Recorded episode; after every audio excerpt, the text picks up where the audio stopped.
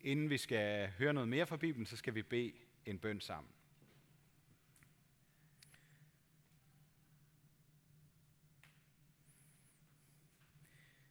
Jesus, vi beder om, at øh, vi må høre det, som du vil sige til os. Uanset hvem vi er, hvor vi er henne, og hvad vi tror eller ikke tror på. Amen. Vi skal lytte til det gode og hellige budskab, som vi er blevet betroet i øh, Lukas evangeliet, og øh, det er fra vers 19 i kapitel 16, jeg vil læse. Jesus sagde, der var en rig mand, som klædte sig i purpur og fint linned, og hver dag levede i fest og pragt. Men en fattig mand ved navn Lazarus lå ved hans port, fuld af sår, og ønskede kun at spise sig med i det, der faldt fra den rige spor, og hundene kom til med og slikkede hans sår. Så døde den fattige, og han blev af englene båret hen i Abrahams skød. Også den rige døde og blev begravet. Da han slog øjnene op i dødsriget, hvor han pinte, ser han Abraham langt borte og Lazarus i hans skød. Far Abraham, råbte han, forbarm dig over mig og send Lazarus, så han kan døbe spidsen af sine fingre i vand og læske min tunge, for jeg pines i disse lurer. Men Abraham svarede, barn, husk på, at du fik dit gode, mens du levede, og Lazarus på samme måde det onde. Nu trøstes han her, mens du pines.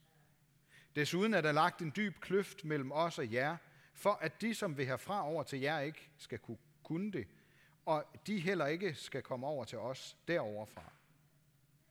Der sagde han, men så beder jeg dig, far, at du vil sende ham til min fars hus, for jeg har fem brødre, for han kan advare dem, så ikke også de kommer til dette pinested.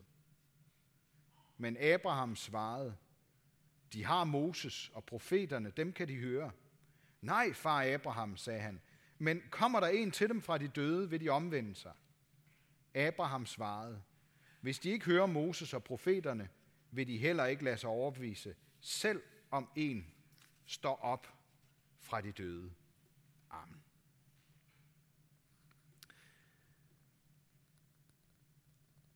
Ej, der er helt stille, efter børnene er, er, er gået ud.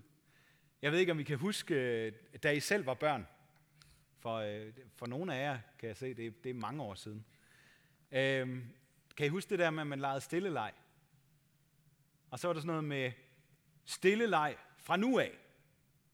Og så skulle man helt stille. Og så kunne det være, at der var en, som måske havde lidt svært ved at være stille, som lige skulle sige en eller anden bemærkning, og så bagefter sagde, så er det stille dig fra nu af.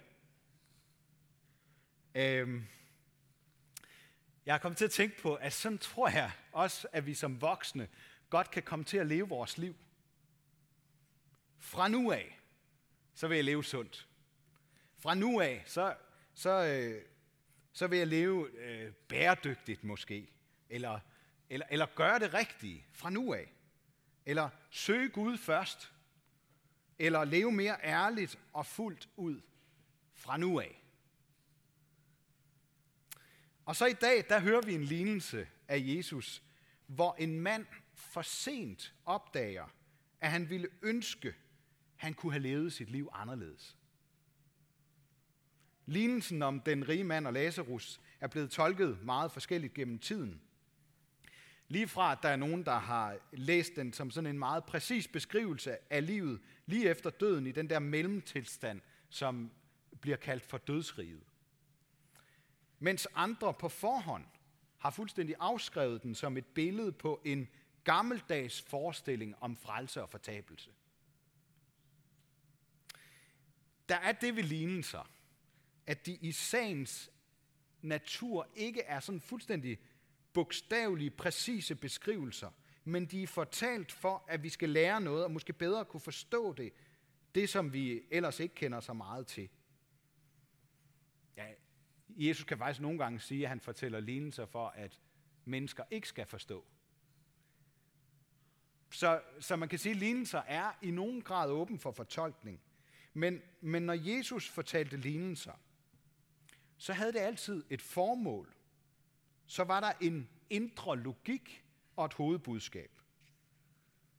Hvad vi ellers kunne have lyst til at vride ud af dem, det må så stå lidt mere for vores egen regning. Formålet, det er tydeligvis både at afsløre og så at advare.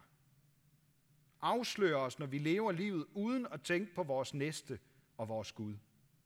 Og advarer os mod kun at tænke på at nyde livet her og nu på bekostning af andre. At den rige mand ikke har noget navn, det øh, inviterer tilhørende og os til at identificere os med ham. Det er ham, der taler, mens Lazarus ikke siger noget som helst. Advarslen lyser også ud af lignelsen, der nærmest sådan er bygget op som, som et mareridt, som manden vågner op af, da det er for sent. Jesus advarer sine tilhørere mod adskillelsen. Og han er selv advarslen og den, der skiller vandene.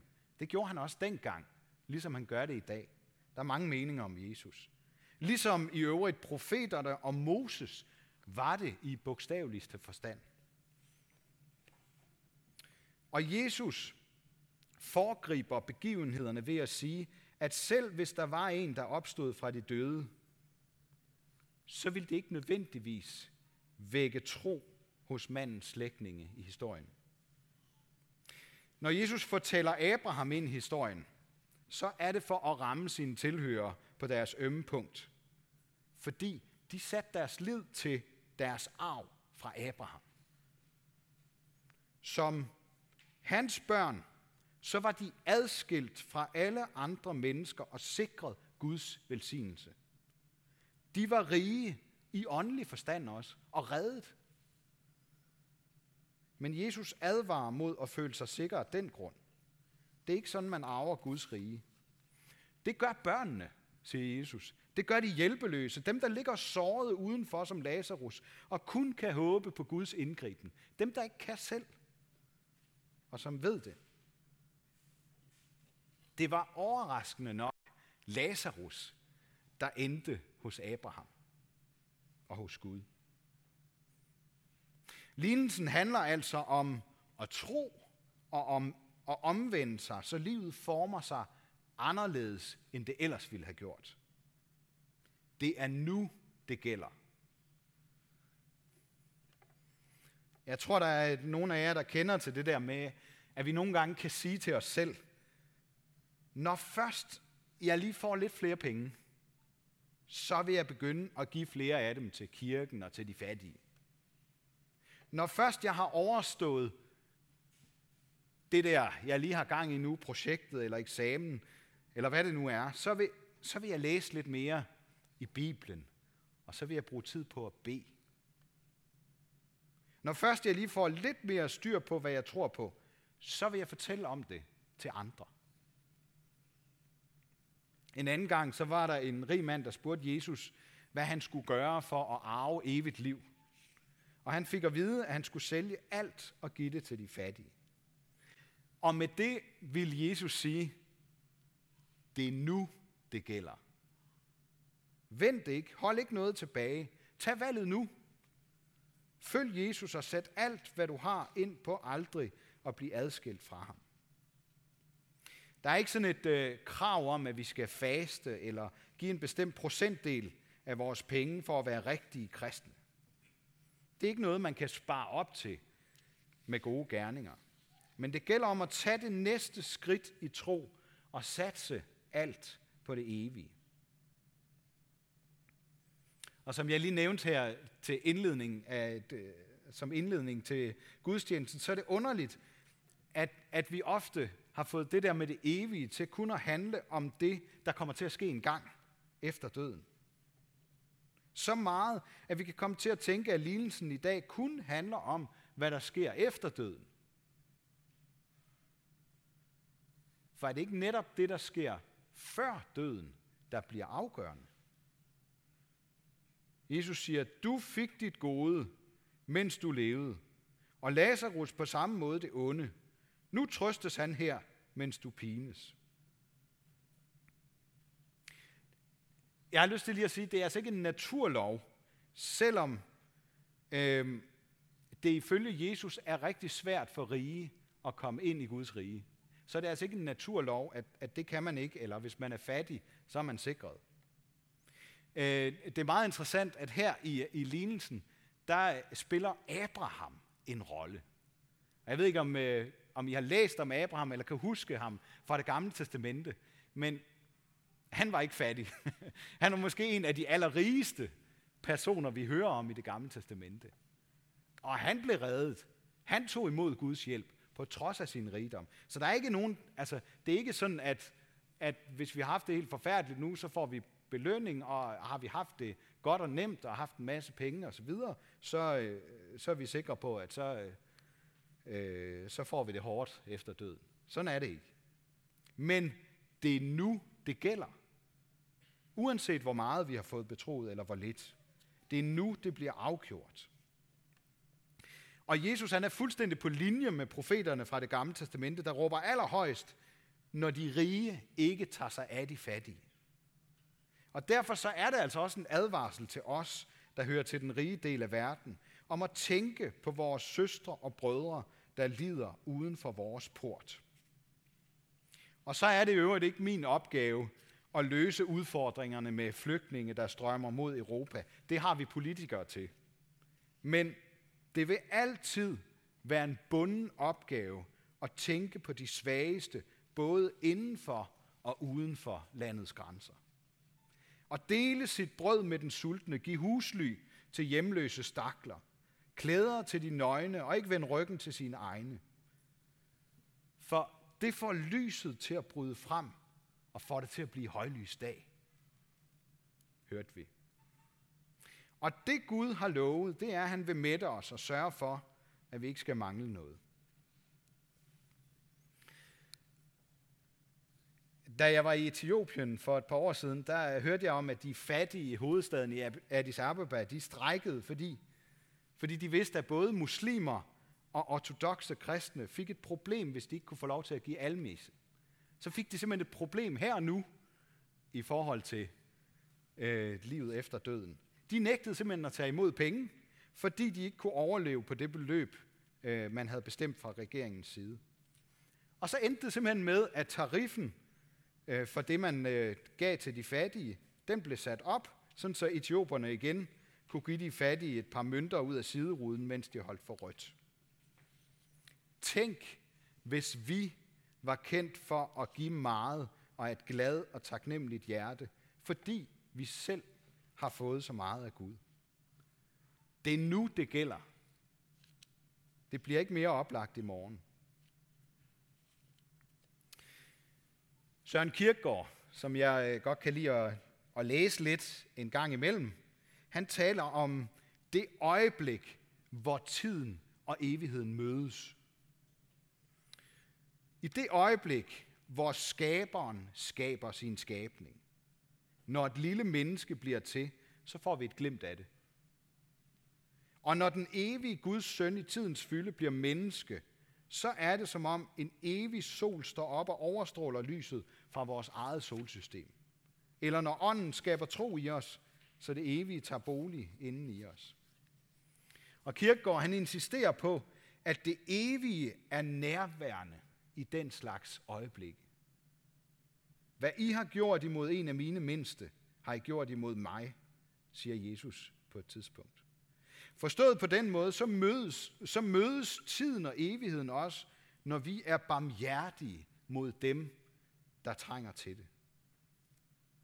Vi er som kristne befriet fra den umulige opgave at skulle spare op til det store regnskab for enden af vores liv. For den, der tror på Jesus og følger efter ham, kommer ikke for dommen, men er gået over fra døden til livet. Det er nu, det gælder. Vi kan godt nogle gange blive ramt af frygt for, om, om vi gør det godt nok. Det er sådan set lige meget, hvor dygtige eller hvor, hvor meget vi lykkedes med det, det, vi arbejder mest med. Vi kan blive bange for, om vi gør det godt nok. Så bange er vi, at, vi, at det lammer os. Og måske gør det også, at vi bliver lidt ligeglade eller opgivende af det. Det kan være, at vi gør som ham, der i en anden af Jesu lignelser begraver sit talent, altså de midler og muligheder, han havde fået, af frygt for, om han gjorde det godt nok. Men hvis vi er i en kærlighedsrelation til Gud, så er der ikke noget at frygte. Så kan vi have frimodighed på dommens dag og al mulig grund til at gøre godt nu. Den kvinde, som øh, Jesus mødte en gang ved en brønd, hun er et lysende eksempel på en, der gjorde det modsatte af kærlighed til ham, der havde hjulpet hende til at vælge en ny retning for sit liv. Hun tog simpelthen ind til sin by og fortalte om Jesus, der havde set hende med alle sine sår og ar på sjælen, og som havde hjulpet hende. Kom og se, sagde hun til sine venner og bekendte. Det er nu, det gælder om at fortælle, hvordan vi får det evige liv med ord og handlinger. Og så er det tankevækkende her til sidst. Jeg synes, det er tankevækkende, at det er Lazarus, der har et navn. Det er jo ellers den rige mand, vi hører mest om. Det er ham, der siger noget. Det, det, er, ligesom, det, er, hans, øh, det er hans historie. Ikke? Men han har ikke noget navn. Det er Lazarus, der har et navn. Det er som om, at den rige, velansete og populære mand mister sin betydning i det øjeblik, hans liv ender. Lazarus, navnet Lazarus, det betyder, Gud har hjulpet. Og det navn, det mister ikke sin betydning med tiden. Ikke engang i mødet med døden. Fordi, fordi det har forbindelse til evigheden. Og på samme måde, så har vi fået Lazarus-navnet i dåben, for Gud har hjulpet med at løfte os op fra døden til livet. Frelsen, syndernes forladelse, frikendelsen, heligåndens nærvær, det evige liv og kærligheden fra Gud gælder nu, og ikke bare om lang tid. Og det er ikke bare noget, vi leger. Det er ikke bare noget, vi siger fra nu af. Det gælder nu. Fordi Gud elskede os først. Og derfor kan vi også elske. Som der står i en øh, gammel salme. Så lær mig da, Herre, at dig til behag. Jeg bruger det pund mig blev givet. At fylde med hederligt virke min dag. At vogte og værne om den, som er svag. At elske, for deri er livet. Og giv mig til sidst et navn, Herre Krist, som er i din livsbog indskrevet. Ære være Gud, vores far, der har skabt os i sit billede. Ære være Guds søn, der tog vores straf, så vi kan leve i frihed. Ære være Helligånden, ham der gør Guds kærlighed levende for os.